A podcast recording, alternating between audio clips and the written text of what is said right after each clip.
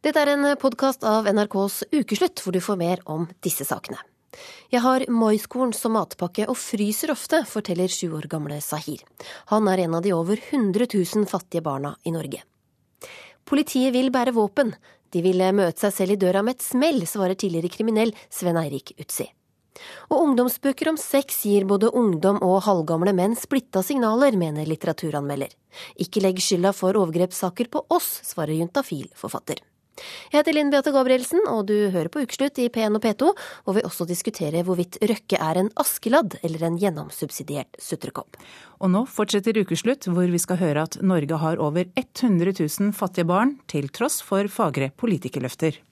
Det som blir veldig viktig for oss, det er jo å få på plass en ny offensiv, moderne miljøpolitikk. Eh, fattigdomsbekjempelse og alltid sette seg som mål at fattigdommen i Norge skal avskaffes.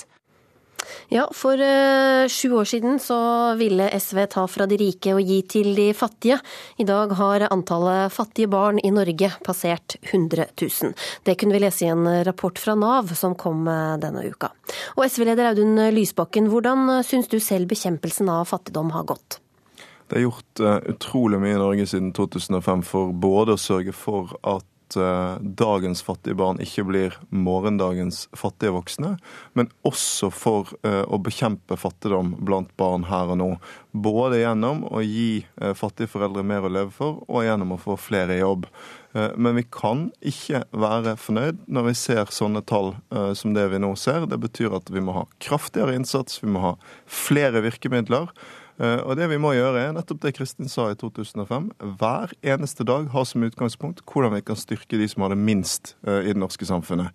Nå skal vi eh, høre hvordan hverdagen til et par av disse fattige barna er. Reporter Jelena Kabo har møtt sju år gamle Sahir i Oslo, som ønsker seg regntøy til jul, og forteller at han ofte er sulten. Er det noen ganger at du føler at du er sulten? Ja. Er det ofte? Ja. Hvordan kjennes det ut da? Det kjennes at eh, halsen blir helt tørr. Vi er på middag hos Frelsesarmeen på Grønland i Oslo. Et titalls mødre sitter med barna sine ved et langbord pyntet med telys og servietter for å få i seg et varmt måltid. Hit kan de som ikke har råd til mat, gå en gang i uken. Jeg står i matkøen med Sahir. Han er en spinkel syvåring. Noen av tennene ser dårlige ut. Han beskriver hva som står på dagens meny med et lurt smil. Ris, kylling, salat, sennep. Her kan du få et lår, Sånn her. Ja. Som etter liten fugl velsigner mat og Gud. Amen. Lenge siden vi spiste, sant? Ja? jeg lenge. Vi kan forsyne oss med kylling. Ja. Madina, moren til Sahir, kommer fra Afghanistan, men har levd syv år i Oslo. Hun forteller at mannen ble arbeidsufør etter en skade, og at familien med fem barn lever på barnetrygd og uføretrygd fra Nav.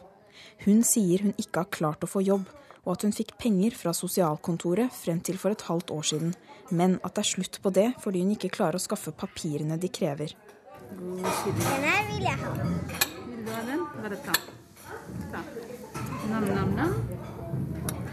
Nå blir du mette. Etter at leie, strøm og telefon er betalt, har hvert av de syv familiemedlemmene mellom 10 og 20 kroner dagen som skal brukes på mat, klær og transport. De lever i stor grad av det de kan få fra Fattighuset, Frelsesarmeen og fra andre som gir bort mat og klær, forteller moren. Hva hadde de i dag på skolen i mat- matboksen? En drikkeyoghurt og mais.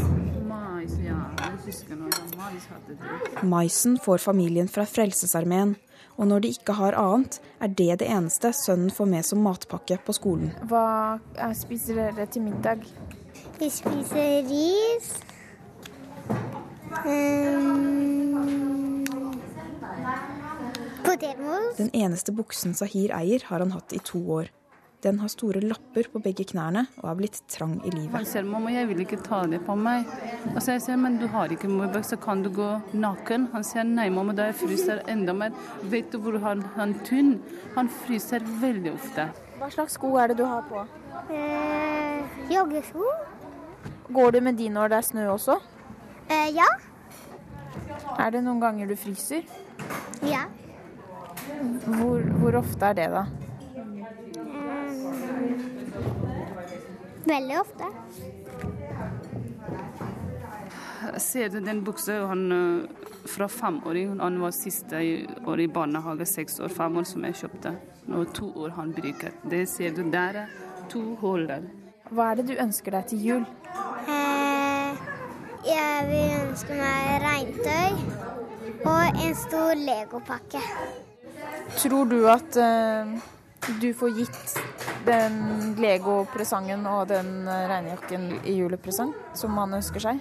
Fra oktober-november snakker de om jul. Altså, De ønsker seg gave, men dette år jeg vet ikke hva jeg skal gjøre. Det er så vanskelig og trist. For jeg sover, tenker meg hvordan jeg skal skaffe det gave, det Lego som han ventet hele år. Det er veldig vanskelig. En til!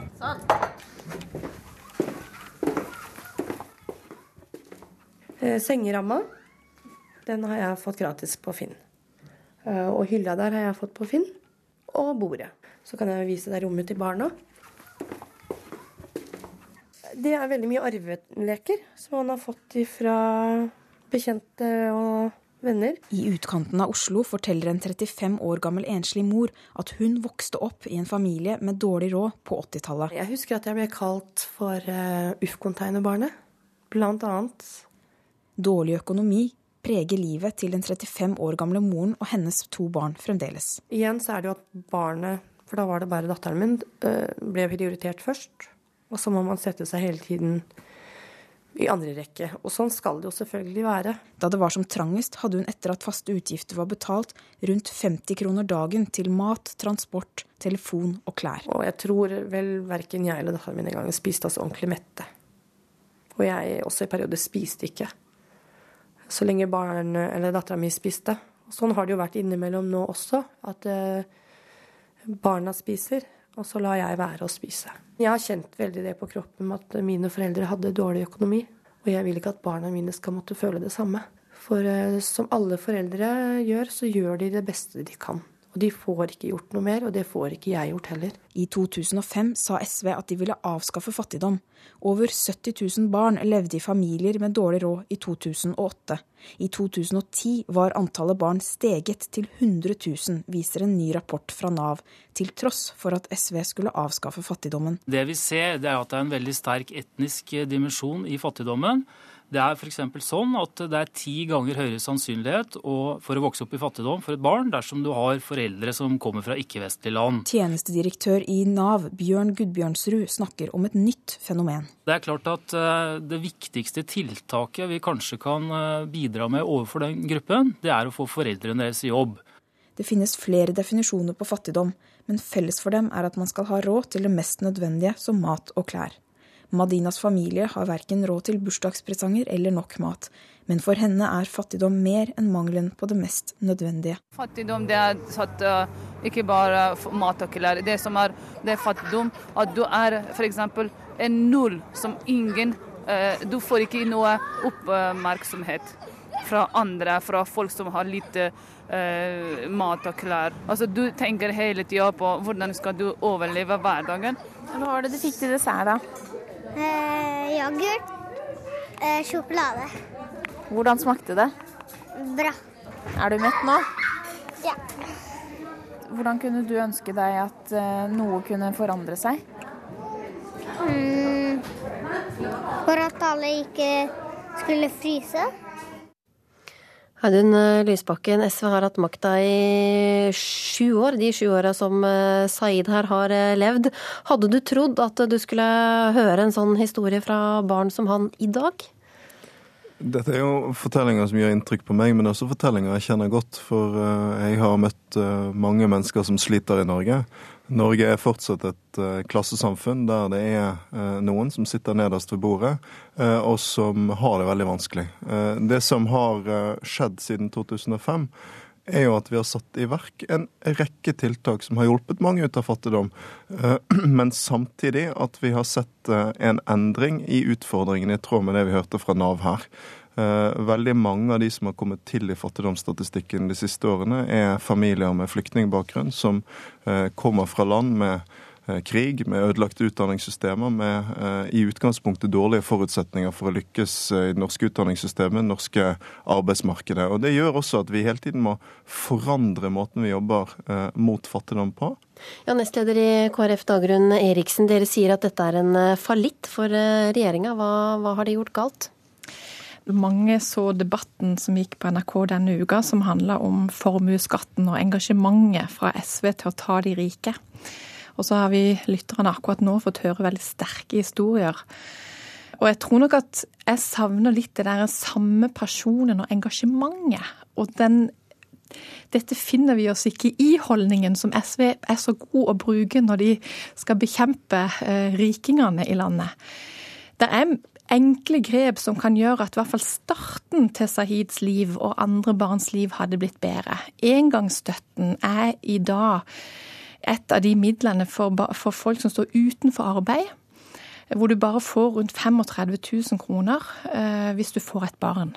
Vi ønsker jo at den skal heves betraktelig opp til 75 000 og bli en månedlig utbetaling som gjør at du får en god start.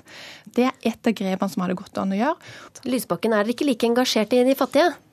Jo, jeg syns på en måte anklagene for Dagrun Eriksen er litt trist. Fordi eh, jeg ville aldri finne på å underkjenne KrF sitt engasjement for de fattige i Norge. Tvert imot så er det sånn at eh, KrF i en del spørsmål, f.eks. når det gjelder det å få innført en nasjonal minstesats for sosialhjelp, som ville bedret disse statistikkene veldig, er et parti som står oss nærmt, som deler vårt engasjement.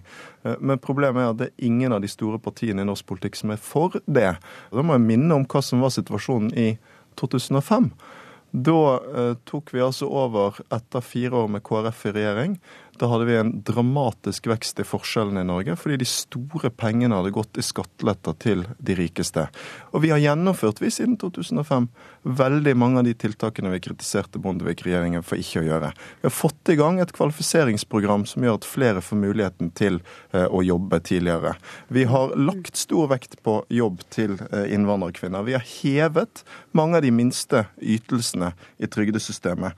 Eh, vi har innført en bostøtteordning som gjør at mellom 40 og 50 000 mennesker har kommet innenfor alle disse tiltakene. Men dette er, er jo tydeligvis ikke nok. Eriksen, hva vil du si?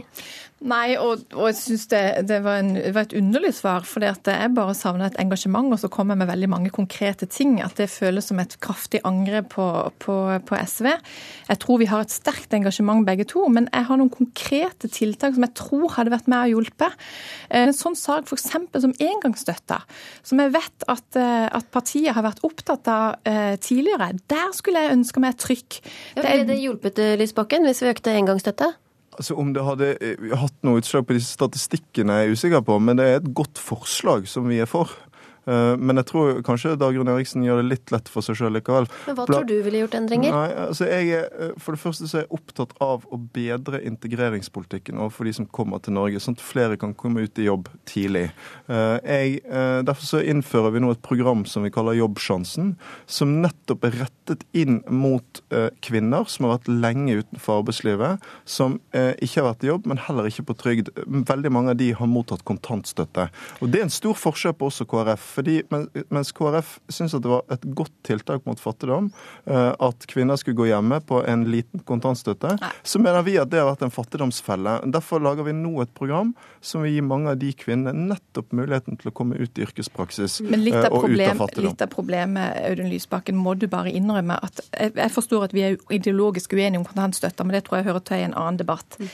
Men at de pengene som dere tok vekk fra kontantstøttebrukerne og toåringene spesielt spesielt nå. Hvem, hvilken gruppe er det det har rammet mest? Det er nettopp de familiene vi snakker om her, de, de, aller fattigste. Og jeg må med respekt å melde at et program som er satt i gang for å kunne nå noen og gi noen en ny jobbsjanse, det hjelper ikke for de som har mista 3000 kroner i måneden. Men, men, jeg ser det helt motsatt, eh, Dagrun Eriksen. Fordi jeg mener at eh, kontantstøtten nettopp var en årsak til fattigdom.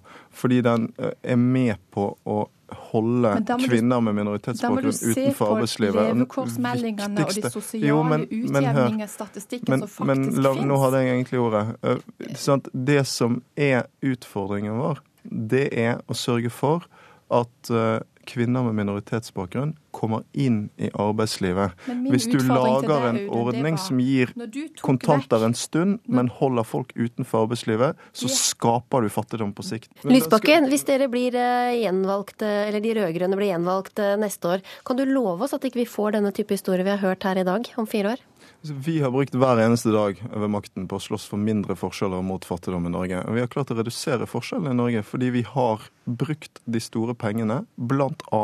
på velferd, på tiltak mot fattigdom, på tiltak for fellesskapet. KrF satt i en regjering, og jeg står ved alt vi kritiserte Bondevik-regjeringen for. Det var en dypt usosial regjering. Men du er jo det- likevel ikke fornøyd med deres, helt fornøyd med deres egen innsats eh, heller. Blir det bedre de neste fire årene? Det har aldri vært SV som har vært problemet når det gjelder de tiltakene som ennå ikke er gjennomført. F.eks. det å få nasjonale minstesatser for sosialhjelp. Problemet er at SV ikke er sterkere. De som ønsker at vi skal holde høyresiden unna makten fordi vi skaper større forskjeller i Norge, men samtidig en rød-grønn regjering som blir rødere, som gjør enda mer mot fattigdom og forskjeller, de må styrke SV i valget. Men du hører jo at ikke det er troverdig. Når, at det er mulig at forskjellene har minska, men der må det være fordi de rike har fått mindre. For her ser vi statistikk at det nå har økt andelen fattige barn i Norge til 100 000. Og da tror jeg at istedenfor å bruke en sånn skrammeretorikk mot høyresida, så tenker jeg det handler om å se på at dette har skjedd under deres styre, det er dere som har svikta, og det er derfor vi kaller dette en fallitterklæring når vi ser sånn statistikk. Ja, nå skal vi til saken om eh, Røkke, som uh, langa ut mot eh, kritikerne sine i NRK Brennpunkt eh, denne uka. Han har eh, jo lenge blitt kalt en eh, Askeladd for å ha starta med én fiskebåt og endt opp med et eh, helt imperium. Og nå så er Askeladden også blitt kalt for en subsidiert sytpeis, eller sutrekopp. Og det er det du, statsviter og skribent Bente Aasjord, som har kalt ham. Hvorfor det? Eh, jo, og det har han vært lenge. Og det er lenge siden at eh, nordnorske ordførere, eh, tillitsvalgte og befolkning for øvrig er kledde av Røkke i Nord-Norge. Men det skal noe til å komme gjennom den nasjonale lydmuren i media. Eh, og og eh, han, han ble jo bygd opp eh, av media som en Askeladd. Han fikk Per Gynt-prisen, og det var ikke måte på. Men nå framstår jo han som eh, en, en, en, en blanding av en fyrste og en, eh, og en, og en sutrekopp, eller surpeis, som vi sier i Nord-Norge. Hvorfor, eh, hvorfor valgte du å kalle ham akkurat sutrekopp? For det er jo det han gjør. Han sutrer jo. Han, han, og, og jeg syns det er interessant, fordi at i den nasjonale fortellinga og den nasjonale debatten, så blir ofte nordlendinger framstilt som, som subsidiert og sytete. Men Røkke er jo den fremste av de alle. Eh, Det er jo han som framstår nå som den sytete, den som blir sur når han ikke får hele kaka. Mens de kravene som kommer fra tillitsvalgte, eh, fra fylkespartier og fra ordførere i Nord-Norge, er særdeles berettiga. Og dette handler jo ikke bare om noen industribedrifter som, legger, som han vil slakte og legge ned. Det er ille nok. Men det handler jo om den evigvarende nasjonalformuen, nemlig den norsk-arktiske torskebestanden. Sjefredaktør i eh, Nettavisen Gunnar eh, Stavrum, du har forsøkt å komme litt på innsida av hodet til Røkke gjennom din eh, biografi 'Fiskeren'. Er Røkke en sytepave, eller er han en Askeladd? Eh, Jeg syns at han er en rev i en hønsegård. Og det som er pussig i den saken her, det er jo at eh, hele landsdelen hadde jo ikke gjort hjemmeleksa si i hele tatt da Røkke gikk inn i, i Nord-Norge. Da var det jo ikke måte på hvor glad de ble når han kom opp der. Og de trodde han skulle frelse fiskeindustrien i landsdelen. Hadde de tatt seg bryet med å se på Røkkes forhistorie, så hadde de jo sett at hele karrieren hans har jo handla om å få tak i eh, fiskekvoter og foredle de selv. og Klar strid med lokalbefolkning og lokale fiskeressurser, i, eller fiskeribedrifter i, i Alaska. Ja, hvordan har historien eh, gjentatt seg? Fortell om Alaska. Altså, I Alaska så ble Røkke rik fordi han fant et par smutthull som sikra han eh, store deler av eh, pollock-bestanden utenfor, utenfor Alaska. Det skjedde i strid med lokale indianergrupperinger. Det skjedde mot lokalpolitikernes vilje. Um, et eksempel er da det skulle holdes et viktig høringsmøte, så var det fag, lederen på motparten. Dagen før han skulle komme og snakke mot Røkke, så slutta han å jobbe der. Og etter en stund så fant jeg ut at han var jo ansatt i en bedrift som Røkke kontrollerte, og hadde fått eh, godt betalt. Det er Røkkes metode. Denne, altså, Røkke-saken har rulla og gått i flere år i Finnmark. Men den store saken i mai, det var da, uh, det var da uh, Solskjær svikta Molde og Røkke fordi han hadde snakka med Aston Villa, tatt en karriereprat i et fly. Saken rulla og gikk ei hel uke om Solskjær sitt svik. Og Røkke var rasende, eh, også da som en fyrste. Men det sviket Røkke gjør i Nord-Norge, det har ikke kommet gjennom lydmuren før nå. Og det er ganske utrolig. Men nå, denne uka her, så har det jo så absolutt vært fokus på Røkkes rolle i nord. Og så insisterer han på, på å bli intervjua i kjeledress i forbindelse med Brennpunkt-saken. Men det begynner jo å bli mange år siden han var en uh, fisker. Fungerer det likevel, tror du, Stavrum? Nei, Denne gangen tror jeg ikke han traff helt planken. Men det som er morsomt med Røkke, det er at folk er så opptatt av hva han, hva han sier og ikke hva han gjør. Altså, når Bondevik var statsminister, da var han på, var han på Moldekamp med Moldeskjerv sammen med en KrF-statsminister. Eh, Så ble det rød-grønn regjering, og da har han jo vært sosialdemokrat i, i, en lang periode. Og nå kan jeg vedde på at han kommer til å bli ganske god venn med Erna Solberg hvis hun blir statsminister også. Og vi andre er så dumme at vi ser bare på det han sier, ikke hva han gjør. Hva tenker du om eh, kjeledressen, Åsur? Hva, hva tenker folk i nord om at han trekker i kjeledress? Han var jo ren i tøyet i den kjeledressen, og det var veldig blankt om bord. Uh, og de rekene som noen solgte i bakgrunnen, det tror jeg ikke var fiska av den båten. Så det, det, er liksom Ja. Men Røkke sier at regjeringa lar seg styre av følelsene til dere i nord. Hva tenker du om det? ja, det syns jeg var interessant. Det, han mener at Han sa jo det at det han slåss mest mot Altså det han, det han det han slåss mest mot, det er at folk ikke vet. Det er altså mangel på kunnskap. Det er vi i nord, eh, og nå da hele landet, etter Brennpunkt, som faktisk ikke forstår Røkke. Og han sier at vi forstår ikke hvilke variabler eh, Denne ligninga har flere enn en variabel. Ja, Røkke, den har flere enn en variabel. Den har veldig mange, og den har en variabel som heter fiskerilovgivning. Den har en variabel som heter samfunnsansvar. Eh, den har en en variabel som heter havrett, eh, osv. Og, og det har en variabel som heter anstendighet. Men hva tror dere Røkke kommer til å bli huska som i ettertid? Som en Askeladd redningsmann, eller som en uh, sutrekopp? Det er jo lang erfaring for at Røkke At folks tilgivelse av Røkke har nesten en uendelighet. Altså, han ble jo tatt opp i Det norske selskap, som har som regel at det bare er ustraffa personer som skal komme inn der. Og det var rett etter at han var dømt for, for, for eh, bestikkelser av offentlige tjenestemenn. Eh, det spiller ikke noen rolle egentlig hva han gjør, for vi er like glade hver gang. Eh, altså, han er kledd naken nå, og han står fram som den han er. Så han har gått i, i den her sutrebåsen. Og for ordens skyld så har vi eh, spurt Røkke om han ville være med på den diskusjonen, men det takket han nei til. Du hører på en eh, podkast av Ukeslutt, hvor du snart får høre mer om dette. Politiet vil bære våpen. De vil møte seg selv i døra med et smell, svarer tidligere kriminell Sven Eirik Utsi. Og superrikingen Donald Trump vil ha revolusjon etter valgnederlaget. Trump har blitt en tupé i suppa for republikanerne, mener Aslak Sira Myhre. Juntafil. Dagbladets eh, litteraturanmelder mener eh, faktabøker for ungdom om sex og programmer om eh, ungdom og sex sender splitta signaler. For disse bøkene og programmene gir råd om analsex og puleforelskelser, også til dem som er under den seksuelle lavalderen. Og litteraturanmelder Katrine Krøger, hva, hva mener du med at disse bøkene sender splitta signaler? Ja, aller først, jeg snakker ikke om radioprogrammet Juntafil. Jeg snakker om den boka som kom i fjor, eh, som er bygget på ti år. Eh, ti år sånn spørsmål og svar. Eh, den står på Bokkilden fra ti år og oppover som en informasjonsbok om alt du vil vite om sex. Og den er fra 12 til 16 har den stått på forlaget. Det er mitt utgangspunkt. Eh, vi har en seksuell lavalder på 16 år. Eh, hvis foreldre skal gi en faktabok til barna og følge forlagets råd om alder, så vil de da gi en bok til en 11-12-åring, hvor de får vite at det er helt, nei, helt greit med one night stands, eh, musebarberingsmoter, eh, analsex, har du liten kølle, så gå inn bakfra, osv.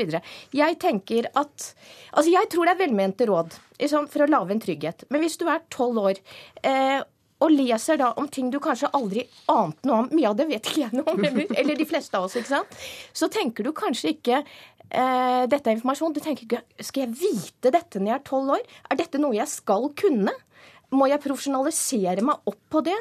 Og hvis man tenker at fra 12 til 16 år er nokså lang alder, eh, og at vi faktisk har etter loven en seksuell, eh, seksuell lavalder på under 16, så er det eh, Jeg vil si det er nærmest sånn schizofrene signaler å sende fra, fra forlag. Altså at samfunnet gir veldig altså, Det Mm. er noe med at vår informasjon og det der med at sex er blitt så åpent det har liksom ikke, Vi har seksuell lavalder på 16 år, som vi hadde i 50-årene, og så har altså det andre ikke fulgt med. Skjønner. Gunhild Dahlberg, du er journalist og forfatter av boka Juntafil, sånn cirka alt om sex og kjærlighet. Og Juntafil er jo også da et radioprogram hvor ungdom kan få svar på det de lurer på om eh, sex. Er dere med på å sende splitta signaler om eh, ungdom og sex? Eh, Jeg vil jo si eh, nei, at vi ikke er det. Eh, Nå er eh, Jeg må dessverre dra inn eh, radioprogrammet, eh, selv om Katrine Krøger ikke snakker om den, for hun snakker om boka. Eh, Fordi at eh, vi, eh, forlaget kom til oss og lurte på om vi ville skrive en bok, og så sier vi ja. Og så eh, har eh, vi fil en eh, annen målgruppe enn det som eh, har skjønt har stått på forlagets nettsider. Og det er jo helt eh, Helt feil.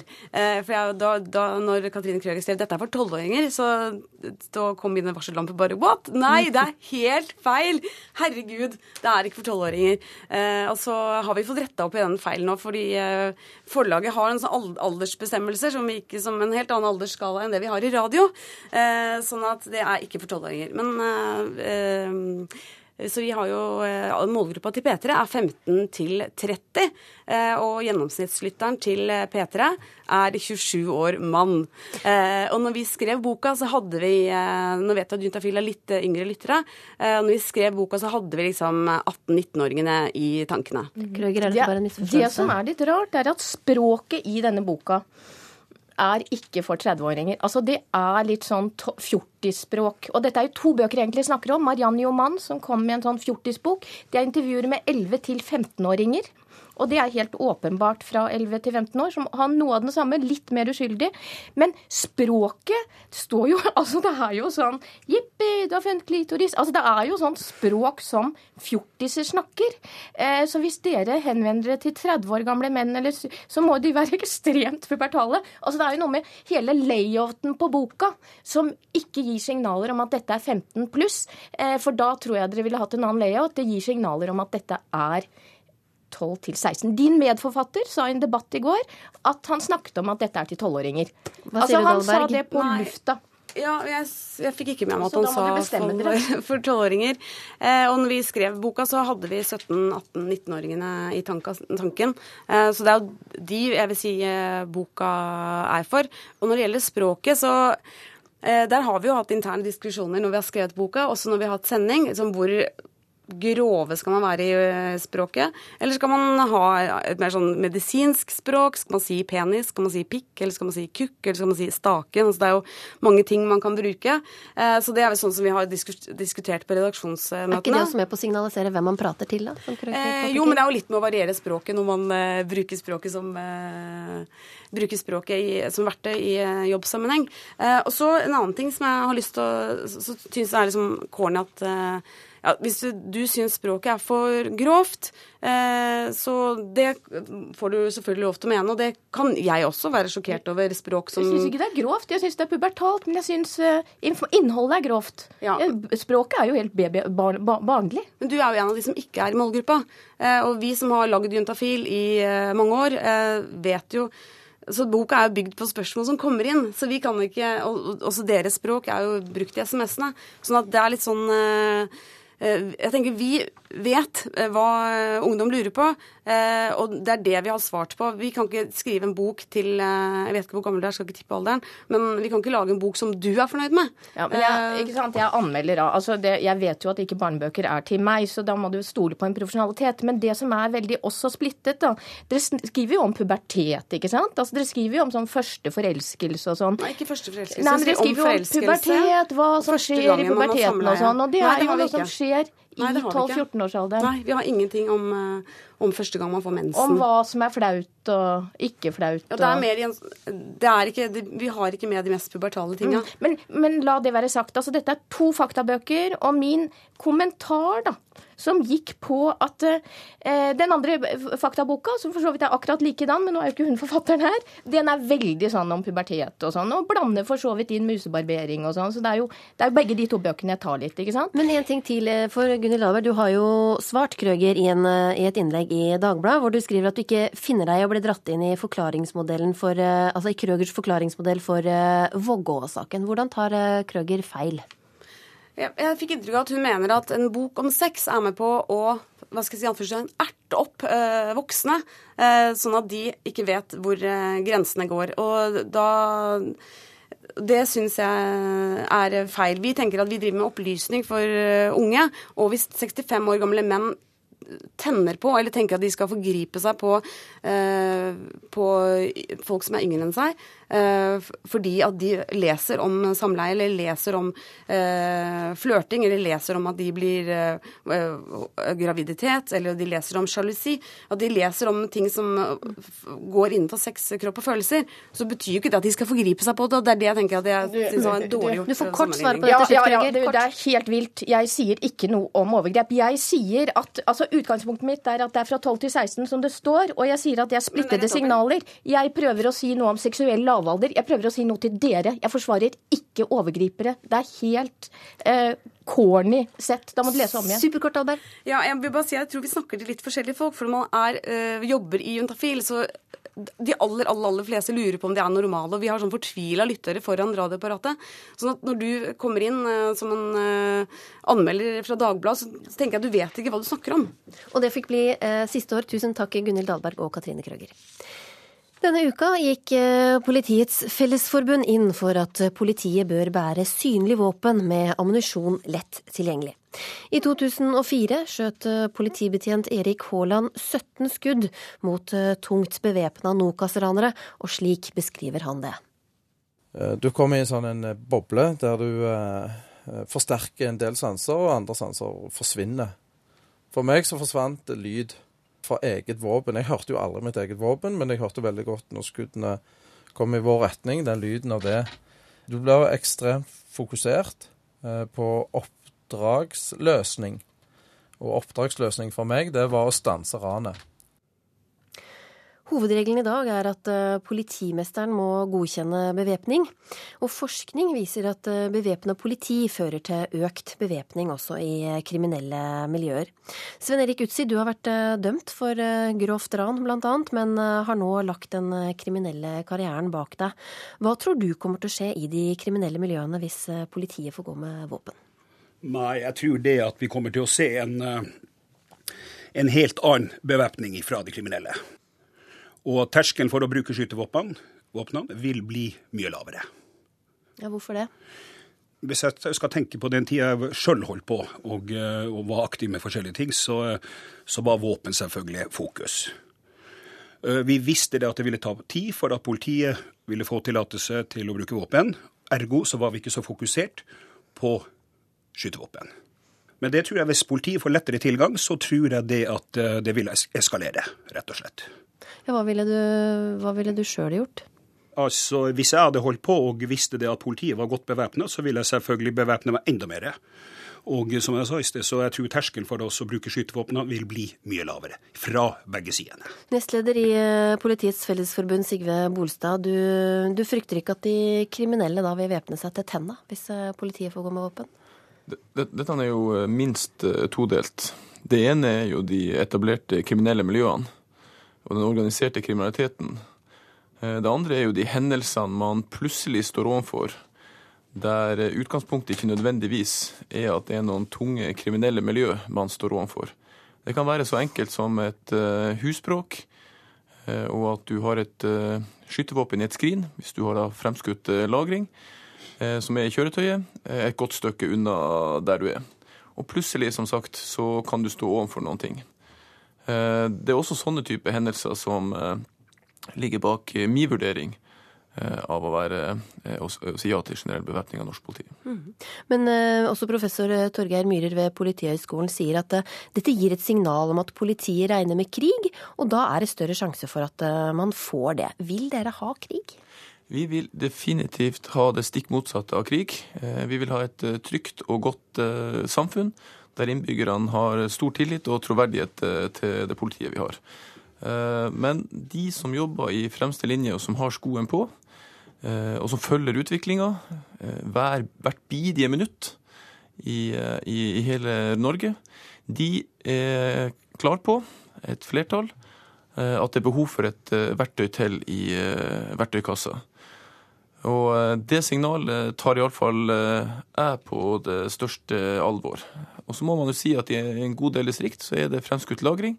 Eh, så dette er ikke så dramatisk som det kan høres ut. Det kan høres ut som at politiet overhodet ikke har noen form for skytevåpen, og plutselig så skal man få mye skytevåpen. Det er ikke tilfellet. Nei, Vi hører ut så jeg sier at de, de, de vet jo eh, de tilfellene hvor politiet er eh, bevæpna.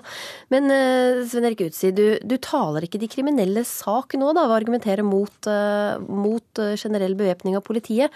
For det er jo ikke de kriminelles interesse at politiet bærer våpen? Nei, altså jeg taler overhodet ikke de kriminelles sak. Det er ikke det det er ikke det det er snakk om. Jeg ble bedt om å komme hit og dele mine synspunkt. Og jeg vet, jeg er bombe sikker på det at politiet kommer til å møte seg sjøl i døra med et smell. Rett og slett med økende bevæpning. Dagens ordning er bra nok. Og det viser, Du kan bare gå til nabolandet Sverige, så ser man hvordan det er der. Der man 30, har man 30 uh, skuddløsninger i året, mens man i Norge har tre. Så det sier alt. Ja, hvilke refleksjoner har du gjort Bolstad, rundt uh, forskninga? Nei, altså, Jeg er ydmyk mot uh, all type forskning. Jeg er ydmyk mot uh, synspunkter som kommer fra utsida og fra en del etablerte miljøer. Jeg har sjøl leda bevæpningsutvalget i Politiets Fellesforbund og leda to bevæpningsutvalg i Oslo politiforening, som ble framgitt i 2000 og i 2003. Så jeg har sett mange av de tallene. Og vi har vært på studietur til andre nordiske land og hatt besøk av personer fra andre steder. Norge er vel, eh, sammen med fire andre land i verden, de eneste som er ubevæpna. Eh, og da slår det meg litt at hvis det er så eh, utrolig feil at, at politiet skal være bevæpna, så burde jo en del andre land avvæpna sitt politi. Hva sier du til det, Øtzi? Ja, nei, jeg, har, jeg er bombesikker på det at med økende bevæpning og synlig, eh, så vil, du, eh, så vil det eskalere. og man, man vil se mye flere farlige situasjoner og skader og drap. Ja, Hva slags situasjoner? Nei, altså Politiet kommer til å altså, utsette seg sjøl for å, eh, at det blir flere politifolk rett og slett drept. Og sivile personer. Du tror ikke det ville virket avskrekkende? Nei, overhodet ikke. Overhodet ikke. Men uh, Bolstad, samme dag som dere vedtok dette, så mista politiet i Trondheim et uh, våpen som ble funnet igjen uh, av noe brøytemannskap. Er den gjengse politimannen klare for å bære våpen? Norge har et av verdens dyktigste politi. Det sier de aller fleste. Det er en høy grad av tillit og troverdighet til norsk politi. Eh, det er behov for et verktøy til i verktøykassa. Eh, en snekker som har behov for ei sag eller en hammer, vil jo aldri ha blitt nekta i forhold til det.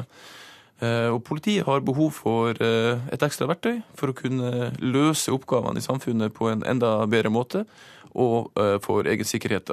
Dette handler om det tidspunktet fra man plutselig står overfor ei hending og våpenet er et stykke unna, da er det et behov for å ha eh, våpenet. Det finnes en rekke organiserte oppdrag som politiet er på, der det blir gitt forhåndsvarsel i forhold til eh, bevæpning. Dette handler først og fremst om de situasjonene der du plutselig står og har behov for det. Først og fremst for å beskytte eh, byens innbyggere. Det er det, det handler om, først og fremst. Utsi, hvor mange politimenn må dø før du syns det er greit at politiet skal få gå med våpen?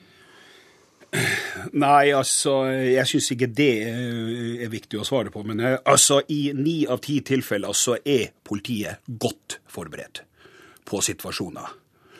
Og de røkker ikke inn i situasjoner hvor man har mistanke om at her vil man møte på et eller annet.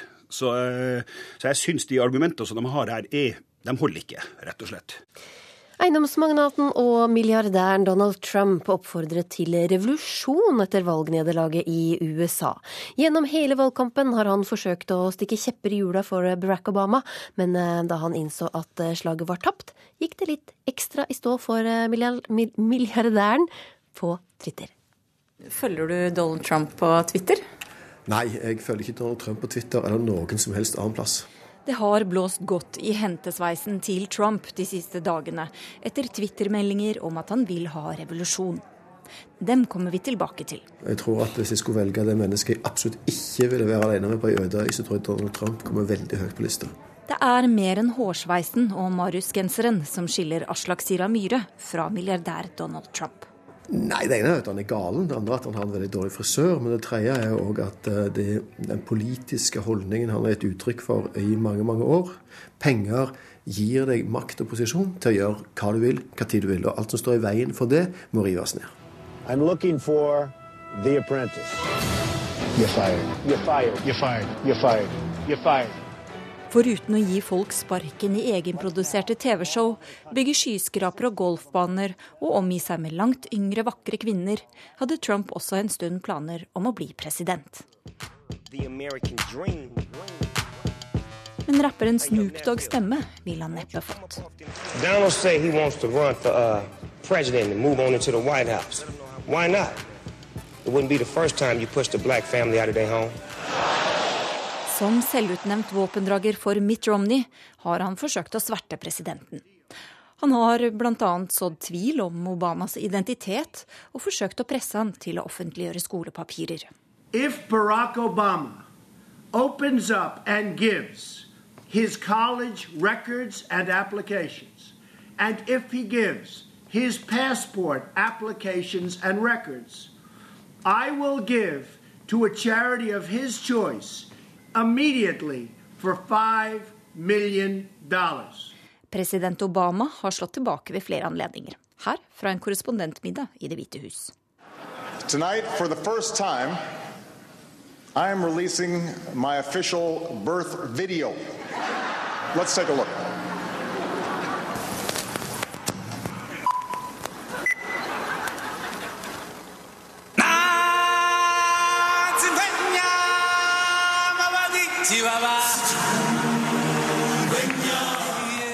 What's this thing with Trump and you? I don't. He's. It's like me and Letterman. What has he got against you here? I don't get it. You know. Th- th- th- th- This all dates back to uh, when we were growing up together in Kenya. Yeah. Natt til onsdag var nederlaget et faktum. We have fought our way back, and we know in our hearts that for the United States of America, the best is yet to come. Og mens champagnekorkene spratt hos demokratene, hamret altså Donald Trump ut vreden på Twitter. Til, hold deg fast, nesten to millioner følgere. Stemmetallet tilsier et tap. Revolusjon. Donald J. Trump. Vi kan ikke la dette skje. Vi burde marsjere mot Washington og stoppe denne parodien. Vårt land er delt i to. Og så tror jeg han har drukket litt mer. La oss slåss som ville helvete og stanse denne avskyelige urettferdigheten. Verden ler av oss. Trump vil altså ha revolusjon og marsjere mot Det hvite hus.